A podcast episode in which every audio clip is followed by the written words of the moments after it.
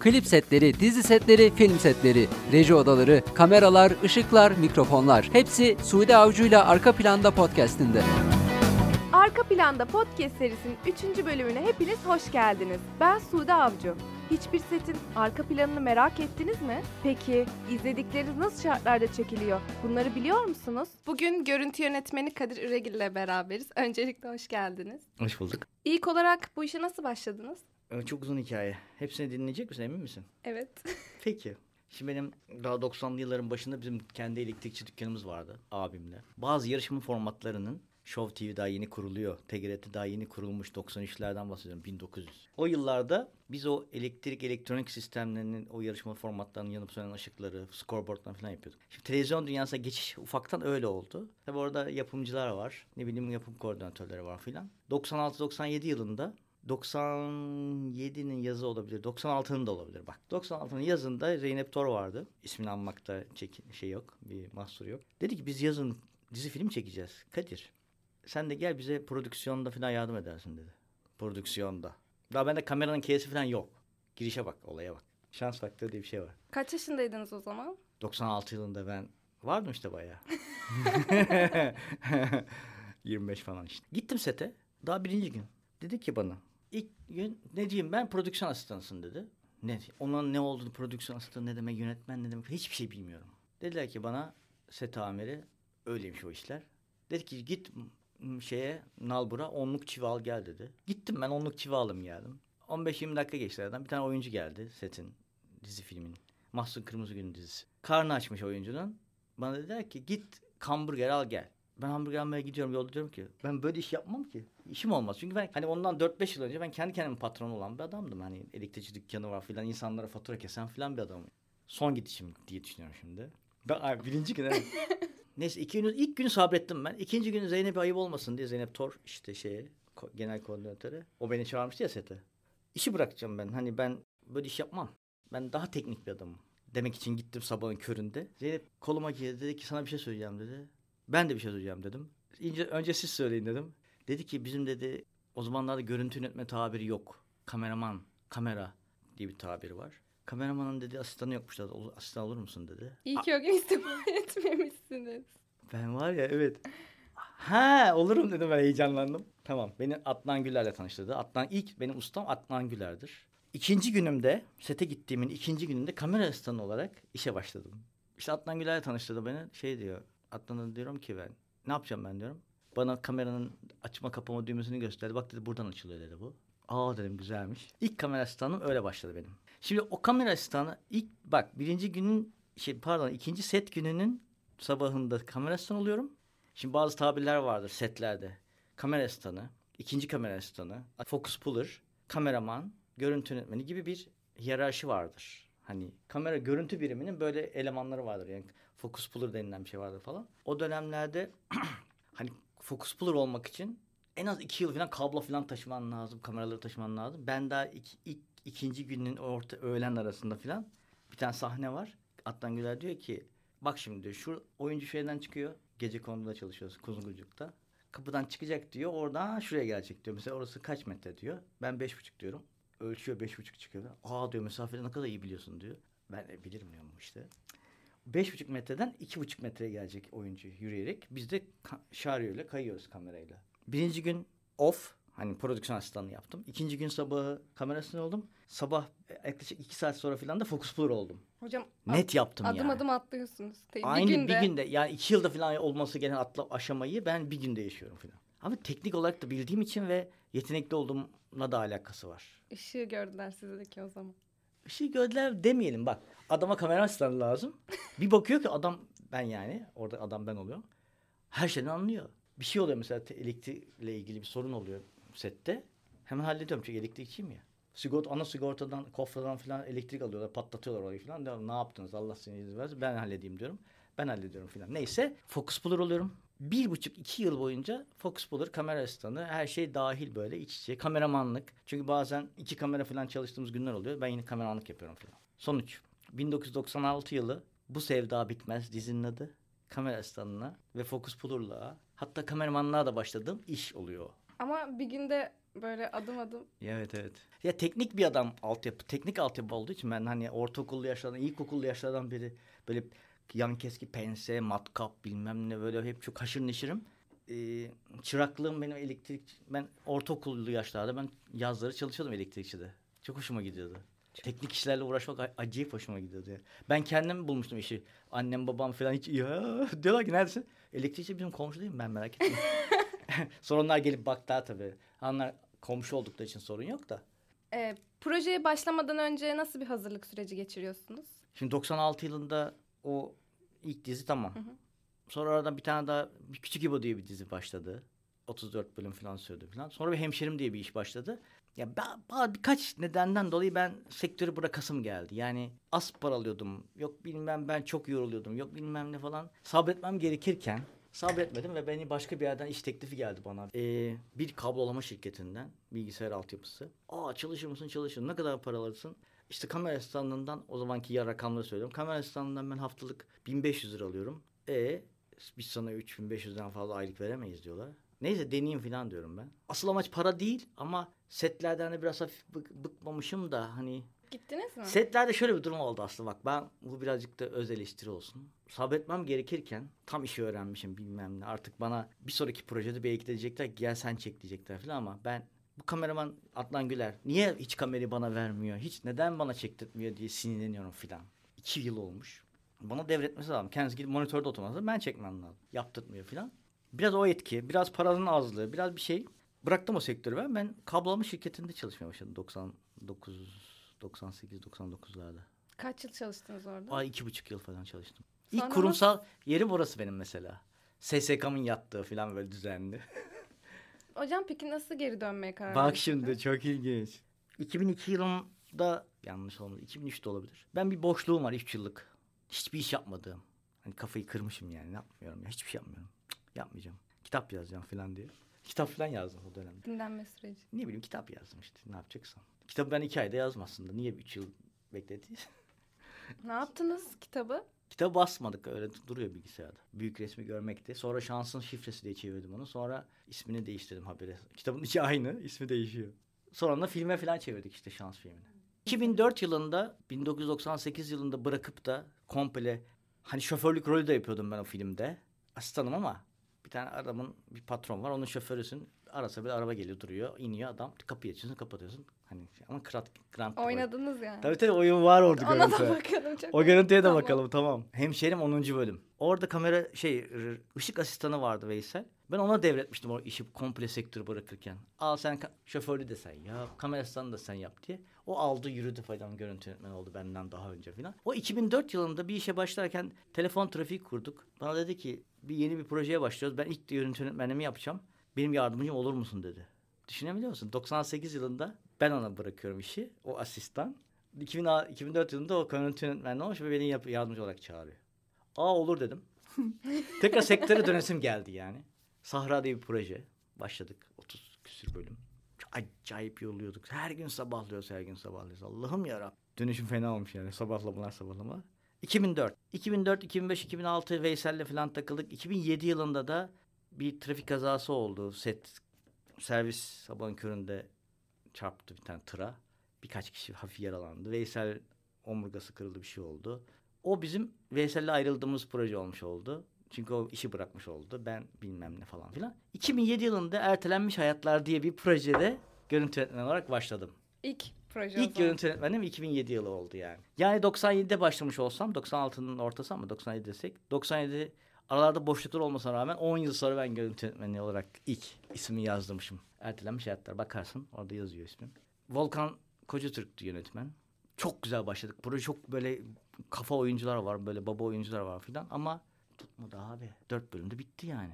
Dizi sektöründe şöyle bir durum vardır. Çok emek harcarsın. İş tutarsa para kazanırsın. Hani 30 bölüm, 20 bölüm falan gelsin gelsin zarflar. Tutmazsa 4 bölümde, 3 bölümde biterse bu birazcık da kişisel şansla alakalı. Doğru. Şimdi benim bir yıl arkadaşım var. Hiç boşları yok. Ne demek o? Bir başlıyor işe. Kurt Davası çekiyor 100 bölüm. Bilmem ne çekiyor 30 bölüm. Bilmem ne çekiyor 40 bölüm. Benim kameramanlarım falan da var. Benim belki de burada olmam gerekiyormuştu da. O yüzden beni kovmuşlar. Yani, yani işim tutmamış. Kadersel bir şey olarak da düşünmek lazım. Peki sektörü hani daha sonra bıraktım dediniz ya. Orada pişman oldunuz mu bıraktığınız için? Ya ben bir şeyden pişman olmuyorum ya. Ya da iş tutmadığı için zaten 4 bölüm 5 bölüm çekiyoruz 6 bölüm çekiyoruz. En babası en uzun süre çalıştığım şey 15 bölüm. O ne? 8 bölüm. 15 bölüm ne? Gerçekten 15 bölüm ne? Ha ikinci ekip görüntü yönetmenliğim oradayım. Şey aşk laftan Ha, anlamaz. tamam. Mucuk var 8 bölüm. Onu bilmiyoruz aşk laftan biliyorsun. Kademe kademe. İlk başladığım iş oydu işte. Nasıl başladım? Gel sen çekersin bu işte dediler ki gittim ya. Hani kameramanlığımı biliyor, efendimi biliyor. Hani diyorum burada da bir ekip kurarken en çok dikkat ettiğim şey efendi oluşu bir insanın. Sonra iş bilirliği, sonra sorumluluk alması falan hani. Ama efendilik çok önemli. E, projeye başlamadan önce nasıl bir hazırlık süreci geçiriyorsunuz sette? Burada öğrenciler öğrensin diye biraz atölyeler falan yapıyoruz bazen. Senaryo atölyesine denk geldiniz mi hiç? Senaryo atölyesine. Yok ona denk gelmedik. He, senaryo atölyesi yapalım bir. Siz de olun. Tamam. Şimdi bir film çekilmesi için üç aşama var. Pre-prodüksiyon, prodüksiyon, post prodüksiyon. Öncesi, prodüksiyon öncesi, prodüksiyon aşaması yani filmin çekilme anı. Onu yaptık birlikte hani hayata dair falan. Ve bütün çekimler bittikten sonra oturuyorsun montaj yapıyorsun. İşte kurgusunu yapıyorsun sonra renkler yapılıyor, ses, müzikler falan filan. Şimdi görüntü yönetmeni bir sinema filmi ise başka bir şey, dizi film ise başka bir şey. Çok benziyor. Sinema filminde ön hazırlık çok daha uzun sürebiliyor. İşte ne bileyim iki yıl ön hazırlık sürüyor mesela. Görüntü yönetmeni ne yapıyor bu? Sen görüntü yönetmeni özelinde soruyorsun Evet. evet. soruyu. Şimdi senaryonun içindeki mekanlar var. Harici mekanlar da olabilir. Dekorda yapılabilir. Platoda kurulabilir. Neyse onun adı senaryoya göre. Diyelim ki Trabzon'da bilmem ne yamacında çalışılacak. Öyle bir orada bir görüntü beğenilmiş. Yönetmen de çok beğenmiş. Görüntü yönetmeni de demiş tamam burada çalışırız. Görüntü yönetmeni oraya gidiyor. Diyor ki Haziran ayının 15'inde çalışacağız burada. Tamam. Aferin güzel. Güneş nereden doğuyor, nereden batıyor? Gölgelerin boyu hangi saatte daha uzun, hangisinde iyi? Işığın durumu çok önemli. Bak mesela bunun mekanların ışığının not alınması var hani kafasında. E, ekip kurmak önemli. Kendine ait güzel bir ekip olması lazım. Kameramanın, fokus bulur vesaire, görüntü ekibi. Senaryodaki hem bir de şöyle bir durum var. Görüntü yönetmeni ne iş yapar? Bir film çekmek için e, senaryoya ihtiyaç var. Senaryo olmadan yola çıkılmıyor. O senaryoya göre herkes yani yönetmeninden kaba tabiriyle çaycısına kadar herkes o senaryoya bakarak ne iş yapacağını biliyor. Oyuncu oradan bakıyor sahneleri, repliklerini ezberliyor. Nasıl oyunun oynayacağını, nasıl bir karaktere bürüneceğini senaryodan dolayı biliyor. Yönetmen bakıyor, nasıl bir duygu var, onu nasıl geçireceğim ben seyirciye, onu çalışıyor. Senaryoya göre çalışıyor. Görüntü yönetmeni ne yapıyor? Görüntü yönetmeni de yönetmenin kafasındaki hayal, hayalindeki şeyi görüntüye aktaran, görüntüyü oluşturan kişi olduğu için o da senaryoyla birlikte yani senaryoya bakarak yapıyor işleri. Hani ne malzemesi lazım teknik olarak? Flycam mi lazım? İşte şaryo mu lazım? Teknik crane mi lazım? Yok bilmem bir yığın malzemeler var. Hani kamera nasıl hareket etsin? Nasıl kameralarla çalışalım? Onları görüntü yönetmeni karar veriyor. Ön hazırlık nasıl, nelerden oluşuyor muydu soru? Evet. İşte ön hazırlıkta eee yabancıların en çok sevdiğim yanı şu. Abiler ne yapıyor biliyor musun? Bak senaryoyu böyle dev gibi masaları var böyle. Büyük bir masanın etrafında toplanıyorlar. Kimler? Yönetmen, yönetmen yardımcıları, görüntü yönetmeni, sanat yönetmeni, ışık şefi, set ekip, set amiri, böyle teknik elemanlar. Bilim kurgu filmi ise bambaşka bir boyut zaten. Onun daha senaryo aşamasında bile çok başka bir olaylar dönüyor zaten. Normal bir filmden bahsedelim. Her bir sahnenin yönetmen nasıl çekileceğiyle ilgili kafasındaki şeyi anlatıyor. Oradaki bütün ekibe. Görüntü yönetmeninden ışık şefine kadar herkes dinlemiş oluyor sanat yönetmeni falan. Ona göre bütün hazırlıklar yapılıyor. Her bir sahnenin bak her bir sahnenin kaç tane sahne? 100 tane sahne vardır mesela. Kabaca söylüyorum. 80 sahnesi olan sinema filmi de var. Bunun masa başında böyle tık tık tık hepsini yazıyorlar. Mesela sahne 35 kafe sahnesi. Nerede çekileceği belli. Saati belli. Ekibin kaçta geleceği belli bilmem ne. Jeneratörlü kamyonları nereye konacak her şey masa üstündeyken belli. O zaman o gün geldiğinde sabah jeneratör kamyonları direkt biz bu kamyonu nereye çekelim demiyorlar. Gidiyorlar oraya çekiyorlar. Çünkü sahnenin nerede çekileceği belli ya. Bizim stüdyoyu düşün şimdi. Televizyon stüdyosunu. Ben kameralarla geniş açı çektiğimiz yeri çekeceksem bu kapının olduğu, sandalyelerin olduğu yer- bölge off bölge değil mi? Orada kimse, yani herkes oturabilir. Malzemeleri de oraya koyabilirsin. Onun gibi düşün. Şimdi oralara jeneratör kamyonları konduğunu farz et. Öteki tarafta çekim yapıyoruz biz. Yani ön hazırlık aşaması ne kadar çok güzel yaparsan sette o kadar az yorulursun. Biz o zaman e, sanat yönetmeniyle çalıştığımızda o mesela önceden her şeyi hazırlayıp getirip Hı. bu burada bu burada diye biliyordu yani. İşte o. Daha da teferruatlısınız düşün onu mesela. Evet. Karakterlerin duygusal durumlarına göre görüntüyü nasıl şekillendiriyorsunuz peki?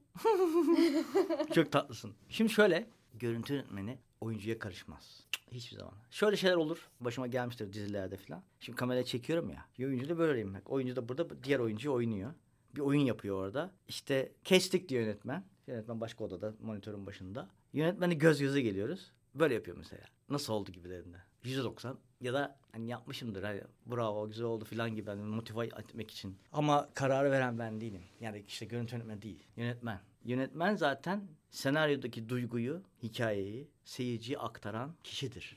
Setteki ekip ve yönetmenle nasıl işbirliği yapıyorsunuz? Yönetmen ve görüntü yönetmeni işbirliği mi? Evet evet. Yönetmen aslında hep aynı görüntü yönetmeni çalışmak ister. Ne dediğini biliyordur artık hani bir bakışta anlar, anlatır yani ona. Küçük bir göz hareketiyle bile. Demez ki gel kamerayı buraya koy. Şimdi der Nisa'nın yakınını çekiyoruz der. O kadar. Yönetmen yönetmen zaten onun yakını nereden çekeceğini bilir. Bir de böyle gelip böyle kameranın tam yerini söyleyen yönetmenler vardır. Ama şeyi söyleyebilir bak yönetmen. Genişi buradan görelim ki arka taraftan çünkü adam koşarak gelecek. Hani amacı odur kafasındaki. Onu söyler. Söylemeli. İşbirliği hem ben bak Steven Spielberg'in var mesela görüntü yönetmeni. Janis Kaminski. Hep onunla çalışır mesela. Şeyin var.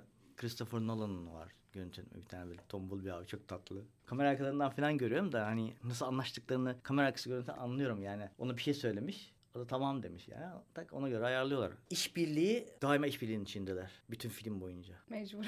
Evet. Öyle olsun zaten. Hı hı. Hani Olmak zaten o zorunda. amaç o. Hani görüntü yönetmeni hayal, bir hayali var şeyin yönetmenin. O sahneyle ilgili, o filmle ilgili. O hayali zaten görüntüye aktaracak olan, görüntüsünü oluşturacak olan kişi de görüntü yönetmeni. Dolayısıyla işbirliği içinde olmak zorundalar. Belirli bir sahnenin atmosferini veya duygusunu vurgulamak için hangi kamera açılarını ve hareketlerini kullanıyorsunuz genellikle? Ya temel kurallar var. İşte diyelim ki bir şu ortamı düşün. Şimdi bu odayı düşün. Üç kişi oturuyoruz burada. Şu sahneymiş mesela. Bir radyo programına gelmiş bir birisi. Radyocu varmış. Karşısında oturuyor. Şimdi bunu verebilecek seyirciye ben bunu nasıl verebilirim? Bir kere bunun hangi ortamda olduğunu göstermem lazım. Geniş bir açıyla şuradan ya da o taraftan çekerim. Değil mi buradaki herkesi? Buna geniş resim derler. Ortamı gösteren, e, mekanı anlatan, mekanın neresi olduğunu gösteren resimdir. Geniş. Sonra yakınlar vardır. Göğüs ölçek dediğimiz. Bunda da duyguların ve ifadelerin çıktığı. Çok özel bir durum vardır. Ayağa kalkıyordur, dolaşıyordur. O da boy planla takip edersin falan. O da ayrı bir şey. Yani genişle mekanı verirsin. Orta ölçekle kavga sahneleri falan varsa boy ölçekle verirsin onları kavga vesaire ya da işte tartışma. E, yakın ölçekle de duyguları almak için Tamam. kullanırsın. Klişedir zaten bu böyledir. Doğru. Ee, aydınlatma konusunda nasıl bir yaklaşım benimsiyorsunuz ve hikayenin atmosferini nasıl oluşturuyorsunuz? Tamamen filmle alakalı o. Hep aynı ışık yapılmaz. Hep aydınlatma yapılmaz. E, komedi filmidir. Şıkır şıkır olsun her taraf. Hiç gölgeye falan olmasın ki bütün yüzdeki o gülümsemeler, kakara kikiriler bilmem neyse. Bütün duyguları biz tamamını güzel güzel görelim. Ya da çok dramatiktir. Demin de söyledim ağlıyordur vesaire böyle ya da hapishane sahnesidir. Hapishane şıkır şıkır ışık yoktur ki hapishanede dandik floresan ışığı vardır. O benzer ışığı oluşturma, o atmosferi vermen lazım seyirciye. Onu da ona göre Hepsinde yaparsın. farklı. Yani sahnesine göre, filmine göre değişen aydınlatmalar yapılır. Renkler de ona göre değişir. Değişken. Evet. Görüntü yönetmenliği sürecinde en büyük zorluklar nelerdir ve bunları nasıl aşıyordunuz? Zorluklar mı? Bak ben sana söyleyeyim. Bir cümleyle söyleyeceğim sana. Birkaç tane cümle söylüyorum şimdi bak çok dikkat edin Tamam. buna. En şanslı yönetmen iyi oyuncuyla çalışan yönetmendir. En şanslı yapımcı projesi tutmuş olan yapımcıdır. En şanslı görüntü yönetmeni güçlü bir prodüksiyon şirketiyle çalışan görüntü yönetmenidir. Şöyle ki bir sahne var. Futbol sahası gece. Futbol sahasında gece çekilmesi gerekir. Ama şey futbol sahası demeyeyim pardon. Futbol sahasının kendine ait ışıkları var zaten. Ee, futbol sahası büyüklüğünde bir arazi düşün. Ama geceliğin ormanın kenarında falan bir yermiş de. Öyle bir sahne düşün yani. Abi benim oradaki atmosferi vermem için iki tane ya da üç tane vinç, vinç böyle yukarılardan böyle e, futbol sahasındaki ışıklar nasıldır? Hani stadyum aydınlatmaları. Öyle aydınlatmam lazım ki gece atmosferini yaratayım ben orada. Ben adamlara diyorum ki bana vinç lazım. Paramız yok diyor.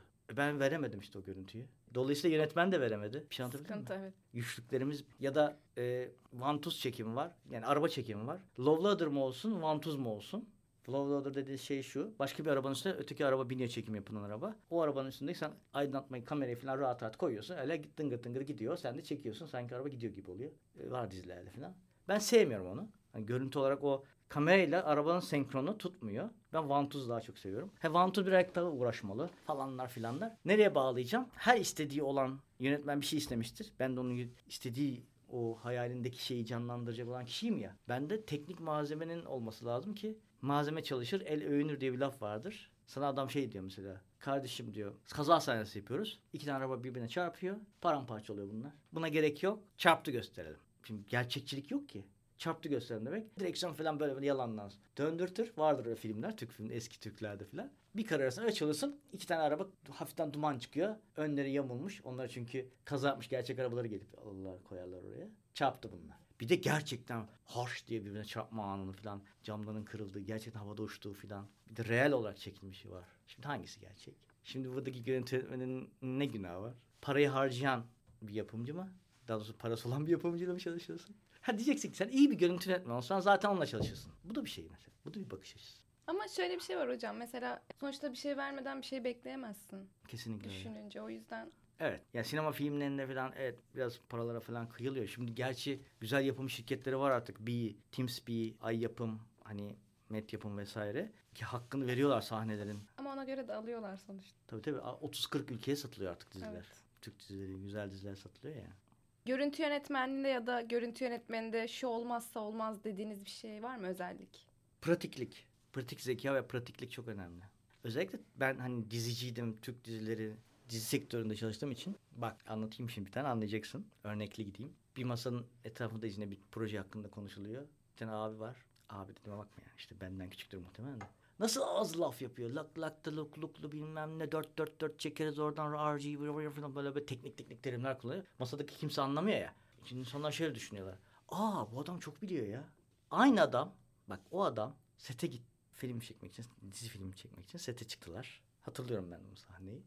Abi iki buçuk saat oldu adam daha ışık yapacak. Nereden ne ışık yakacağını bilmiyor. Hani kamerayı nereye koyacağını falan geçtim. Aydınlatma çok önemlidir. En pratik olması gereken iştir. Tık diye hazır diyeceksin. Tık tık tık. Çünkü 16-17 sayfa çekilecek günde dizi. Dizi pratikliği. Ben o, o masada hiç en az konuşanlardandım. Ben diziye çıktım. Başka bir diziye. 10 dakikada hazır buyurun çekelim. Mükemmel bir aydınlatma, mükemmel bir ışık. Pratik. Çünkü nerede hangi ışığı yanınca ne o etkisi olacağını ben biliyorum. Hani 20 yıl artı 5 dakika diye bir tabir var ya. Yak işte şuradan dörtlüyü yak. Koy önüne çerçeveyi hazır. Az laf çok iş. Tak. Yakından sonra tık tık tık hızlı. Yani sabahın beşinde bir tane mekandayız. Son çıkışta yine. Ee, ben kameranın başındayım. Şeyim kayıt halindeyim yani. Kestik. Tak bir tane mekan sorumlusu prodüksiyon asistanı çocuk telefonu uzatıyor. Bir tane fotoğraf gösteriyor bana. Diyor ki buradan çıktıktan sonra gideceğimiz mekan bu mekan diyor. Ha tamam diyorum ben de. Devam ediyorum kayda. Ne demek istiyorum? Mekan gecenin yarısında bulunuyor. Gideceğimiz mekanı ben daha önce görmemişim. Yönetmen de bilmiyor. Ve biz oraya gidiyoruz. Ben 15 dakika sonra hazırız hadi çekelim diyorum. Şimdi sıfır mekan, hiç bilmediğim mekana ışık yapabilme kabiliyeti, becerisi, pratikliği. Olmazsa olmaz Türk dizisi için pratiklik diyorum. Pratik zeka, pratiklik. Set performansı diye de bunu tırnak içine alabiliriz. Set performans. Ne kadar konuşursan konuş, bıdı bıdı bıdı bıdı. Az laf çok iş dedin ya biraz Evet. önce. Aynı onun gibi. Yani aynası iştir kişinin, lafa bakılmaz. Evet abi gel sete çıkalım görelim. Doğru. Sonuçta dizi yani. Her her hafta yayınlanması lazım. Evet yani çok Sinan Çetin'in bir lafı vardı denk geldik bir yerde. Dedi ki biz Türkiye'de dedi dizi çekiminin diziyle uğraşan insanlara dedi Guinness Rekorlar kitabına sokmamız lazım. Çünkü 6 günde bir sinema filmi çekmiş gibi bir şey çıkartıyorlar Bir ortaya. de çok uzun süreleri. 150 dakika. Evet. 50'şer dakikadan aslında tam 3 bölüm değil mi? Ne güzel. Ama bir sürü ekip oluyor değil mi? Hani İki bir ekip ekip var. başka yerdeyken İki ekip var. Evet aynen öyle. İki ayrı ekip. iki ayrı hani diyorum ya demin dedim yani Aşk Laftan Anlamaz'da ikinci ekip görüntü yönetmeniydim. Hiç fark etmiyor. Birinci ekip, ikinci ekip. Hani bambaşka bir ekip. Senaryo aynı senaryo. Ama onlar işte iş programları falan yapılıyor. Görmüş gördünüz zaten hani call sheetleri falan. Onlar 115 sayfa çekiyor. Öteki ekip de 10 sayfayı da 15 sayfa çekiyor. Toplamda 30 sayfa çekiliyor günde. 5 günde 150 sayfa çekiliyor. Peki ben bir şey soracağım. Şimdi siz ikinci görüntü yönet iki ekipteki İkinci ya. ekip görüntü. Ama birincideki hani ikiniz farklı sonuçta çekim olarak.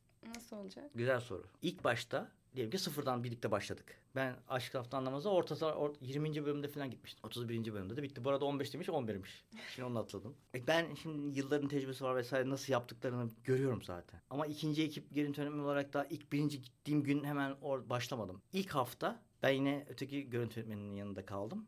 Öteki tarafa gitmeden önce. Bir, bir hafta süresi, bir hafta önceden çünkü çağırdılar beni ki alışayım. Nasıl ışık yapıyoruz? Bizim tarzımız ne? Renklerimiz ne? Bilmem ne. Hani hep ağırlıklı olarak soft ışık kullanıyoruz zaten. Gölgenin çok az olduğu. E Zaten birinci günden gördüm ben. Yetti bana da. Neyse bir hafta boyunca takılmış olduk. Hangi ekipler, ekipmanlar var? Ekibim kimler?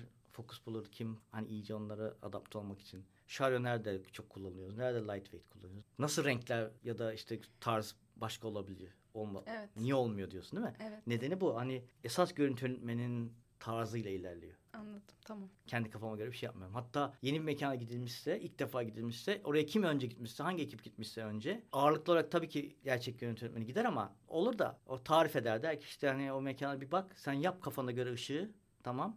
Tarzı zaten biliyorsun. Fotoğrafla bize. Hemen grubumuz vardır zaten görüntü grubunun. Fotoğraf atılır oradan. Tık tık tık tık tık. Işık devamlılığı diye bir şey var. Zaten o yüzden hani devamlılık olması Ya açısından. ışık devamlılığı da var. Kostüm devamlılığı, var, mekan devamlılığı var. Devamlılık zaten hi hi hu. Bu meslekte hayatınız için edindiğiniz tecrübeler oldu mu? Yani bir tecrübe yani? oldu mu size yani bu Olmaz mı meslek ya? olarak? Demin dedim yani 20 yıl artı 5 dakika. Setlerin o pratikliğinden dolayı ben şimdi burada ben şey yapıyorum mesela stüdyoda. O y- 20 yıllık aydınlatma bir tane çerçeve kullanıyorum. Onu şimdi kimse bilmez. Normal kamera kullanan, çekim yapan YouTuber'lar falan da bilmez çerçeve ne demek. Çünkü set profesyonel set malzemesidir o aslında. Tecrübe bir yıl tecrübem var ya. Hani aslında tamamı bir tecrübe ya. Doğru. Şunu demek istiyorum. Yani e, her bir set, her bir yeni proje bambaşka bir tecrübe kazandırıyor sana. Yeni oyuncular, yeni ekip, yeni ekipmanlar. Teknoloji devamlı gelişiyor, gelişiyor. Hani drone denilen şey son 5 yıldır yoktu. E, profesyonel anlamda son 10 yıl diyeyim hadi. Şimdi çatır dronelarla çekiliyor. Ya da işte gimbal'lar falan çok böyle pratik gimbal'lar yoktu. Artık tek elle bile tutun gimbal'lar var. Kameralar biraz daha boyutları küçüldü. Daha hızlı koşabilen falan. Hani onları kullandıkça da tecrübe kazanıyorsun. Aa vay be bizim zamanımızda yok bunlar. Hani Teknoloji şimdi- bayağı gelişti. evet. O zaman son olarak görüntü yönetmeni olmak isteyenlere verebileceğiniz tavsiyeler nelerdir? Ya görüntü yönetmeni olmak ya da olmamak. Görüntü yönetmeni nasıl olunur? Aslında ne olursa olsun yönetmen de, oyuncu da, setteki herhangi bir birimde sanat yönetmeni de. Ben sanat yönetmeni oldum, ben görüntü yönetmeni oldum, olmuyor. Sana diyorlar ki sen şimdi çalışıyorsun, sen ya ben yani o, ben olayım. Mesela 2007'deki ben kendim anlatarak gideyim bak bak çıkacak Tamam. ortaya bu. 2007 yılındaki proje başlarken Volkan bana ne dedi? Gel dedi kameraman ol dedi. Kameraman mı dedim görüntü yönetmeni mi? Şimdi fark var arada. Görüntü yönetmeni dedi. Tamam. Çünkü daha önceki projelerde kameramanlık zaten yapıyorum. Şimdi görüntü olunca sorumluluk çok yüksek. Sen de bütün görüntü, teknik anlamdaki bütün hani bütün zaten te- görüntü yönetmeni bir de teknik ekibin en başındaki elemandır. Kişidir yani. Hani 65-70 kişi var sette. Teknik bütün ekibin en başındaki kişidir. Yani yönetmendir en başta ama teknik ekibinde başındaki kişi görüntü yönetmenidir. Höt dediği zaman böyle herkes durur yani. Hiç kimse kıpırdayamaz. Yani 2007 yılında ben görüntü yönetmeni oldum. Artık ben iş yapacağım demedim. Gel sen çek bu işi dedi bana. Anlatabildim mi? Yani sen olmuyorsun, seni yapıyorlar. Yönetmenlik için de öyle. Yönetmen yardımcılığı yapıyor uzun zamandır. Kızım bir tanesi. Zehir gibi ama çok belli, zehir gibi. Yani çok iyi. Devamlılıkta iyi bilmem senaryo okuması çok iyi. Senaryo okuduğu anda hemen anlıyor ve ha bunu böyle yaparız diyor filan. Diyorlar ki işte sen senaryo okumayı biliyorsun. Oyun vermeyi biliyorsun. Tamam ya diyorlar. Bir sonraki projede sen yönetim bizim bir tane işimiz var. Yaza çekeceğiz hani yazlık bir proje. Çok no name oyuncudan oldu. Gel sen yönetmenlik yap orada diyorlar. Kız ilk yönetmenliğine orada gidiyor mesela. İşte orada da ilk defa o sorumluluğu aldığı için o senaryo okurken daha önce yönetmen için okuyordu. Şimdi kendisi için okuyor artık sahneleri. Kendisi için mizansen veriyor. Kendisi için onu hayata duygusunu falan ritmini vesaire veriyor. Ve onu seyrettiği zaman da aa bu benim işim. Ben yönetmenlik yaptım. Hay Allah şurada yapamamışım. Şu, şu sahne olmamış dedikçe de tecrübe kazanıyor. Hani kendi kendine görüntü yönetmenin kendine ilk ben ilk çektiğim işte ay bu işini saçma yapmışım. Böyle bakamadım falan. Kimse anlamıyor da ben biliyorum onu teknik olarak. Ben şimdi herhangi bir film seyrederken de dünya kadar açık bulabiliyorum. İyi işlere de aa güzel yapmışlar aferin de diyorum. O açıdan da bakıyoruz ya hani. Yönetmen kısmını anladın. Aynısı görüntü yönetmeni için de geçerli işte. Hani ben gittim, sorumluluk verdi bana. Evet, hadi dedi geniş çekiyoruz. Hemen geniş açın, geniş tam geniş buradan. İşte polis arabası gelecek, duracak. Oradan adamlar var. Gece iki tane şuradan lamba çakalım. Işık şefiyle irtibat halindesin. İki tane şak diyorsun 2000'lik. Havuz yapalım diyorsun. Çünkü çok haralı gürele var, kavga var bilmem ne. Çok öyle lokal ışık yapamayız. Stadyum ışığı gibi takıl. Yakınlarda düzeltiriz. Yakın çekerken duyguları alacağımız ölçeklerde güzel ışık gözükür. Genişlerde çok kötü gözükür. Görüntü yönetmeni olmak isteyenlere ne önerir, önerirsiniz? Görüntü yönetmeni bir kere gerçekten istiyor musunla başlıyor. Bir görüntü yönetmeni neymiş onu tam bir anla. Diyelim ki sen olmak istiyorsun. Görüntü yönetmeni neymiş? İyice araştırman lazım. Setlere git bak 100 kişi çalışıyor. Kimin ne mezun oldu kimse kimseyi bilmiyor. Sanat yönetmeni görüyorsun. Aa kadına bak diyorsun aferin ya. Mimar Sinan mezunudur ya falan demiyorsun ki. Yaptığı işe bakıyorsun çok iyi iş çıkartmış aferin. Işık şefine bakıyorsun. Daha önceki çalıştığı işlere bakıyorsun kontrol ediyorsun. Piyuh, adam bu Arap'ta çalışmış filmden de çalışmış hani böyle yabancı filmden Türkiye şey gelmiş James Bond gelmiş orada da ışıkçılık yapmış. Yabancı ekipmanları görmek de başka bir şey. Görüntü geri geliyorum hemen hızlı sarıyorum. Çevre en büyük şanstır. Bir çevreniz varsa hiç kaybetmeyin. Tam tersi çevrenizi çoğaltın. Setlerden ayrılmamanız lazım. Görüntü olmak istiyorsan resmen kamera asistanı olarak baş- başlıyorsun. Kamera asistanısın. Kablo taşıyorsun. Kablo siliyorsun her gün. Lensleri güzel güzel canım cicim diyorsun. Efendilik. Sen zaten efendi çalışıyorsan, disiplinliysen, bir dediğini iki etmiyorsan üstlerinin zaten seni bir sonraki projeye çağırırlar. Bir sonraki projeye çağırırlar. Tık tık tık ilerleriz. Benim var 3-4 tane böyle kameramanım. Şu an çok güzel yerlerde çalışıyorlar. Bayramlarda falan ararlar. Yılbaşında da ararlar. Çok gurur duyuyorum onlarla. Çünkü onlar sıfırdan geldiklerini hatırlıyorum ben onların. İlk defa kablo toplarken şimdi yaptı lan- langır lungur ama o disiplinle onu düzgün sarmayı öğrendi. Onu düzgün sar diyeceksin ki ne alakası var? Niye matematik öğreniyoruz diyorlar yani. Abi zeka için. Sen öğren logaritmayı, integrali, hani formülleri. Çünkü sen bir şey bir yerde lazım değil ama senin zekanı geliştiriyor. O kabloyu toplamak ya ne işime yarayacak bu kablo dandik olsa ne olur? El becerisi. Sen ne kadar el becerisini güç, güzelleştirirsen kamerayı da güzel kullanacaksın Bir ya. de yaptığın işe özen. Ne olursa olsun. Ya tabii ki. Ne kadar efendilik. Bak oradan başlıyor. Ben onu bir sonraki projede çağırıyorum. Bu çok fokus bulur. Çok efendi çocuk değil miydi ya? Onu Mevlüt nerede? Mevlüt çocuğun ismi. Mevlüt gelsin bana diyordum. Efendi ve işi çok iyi yapıyor. Abi daha ne isterim ki ya? Zehir gibi. Hani kestane pişirip getiriyor bana. Set anında. Çevre iyice kovalayacak. Abdüselam'la da görüntü yapacağız ama işte sadece kadrajı bilerek olmuyor. Işığı çok iyi bilmek lazım. Onu da deneme yanılma yoluyla kadrajlar, ölçekler, renkler. Ne kadar fazla bir şeyler projede, bol bol projede olursan o kadar kendini tecrübe kazanacaksın. Çok kolay kullanılan tabirler bunlar ya. Bence o kadar basit değil. Hani görüntü öğretmeni. Klip çekmiş adam. Görüntü öğretmeniyim ben. Hadi be. Bir tane klip çekmişsin. Bir tane bir dizide çalışmamışsın. Bir tane sinema filmin yok. Cık, Bir tane klip çekmişsin görüntü öğretmeni. Allah Allah. Hani dedim ya set performansı. Ben o adamı götüreyim diziye. Hadi dedim sahneyi çek desem. Böyle durur bence 3 saat boyunca hiçbir şey yapamaz. Yani hani görüntü öğretmeniydin. Anlatabildim mi? Yani gerçekten görüntü öğretmenim yoksa sadece laf olsun diye. Ben şimdi motive olsun diye öğrenciler herkesin şimdi görüntü öğretmeni, kameraman yazıyorum hani yönetmen. Çünkü motive olsunlar diye. O başka bir şey. Ondan bahsetmiyorum. Gerçeklerden bahsediyorum. O zaman benim soracaklarım bu kadar. Çok keyifli bir sohbet. Teşekkür ediyoruz. Rica ederim ne demek. Benim için de çok keyifliydi. Benim bugünlük size anlatacaklarım bu kadar. Beni dinlediğiniz için teşekkür ederim. Arka Planda Podcast serisinin yeni bölümünde buluşmak dileğiyle. Suudi Avcı'yla arka planda sona erdi.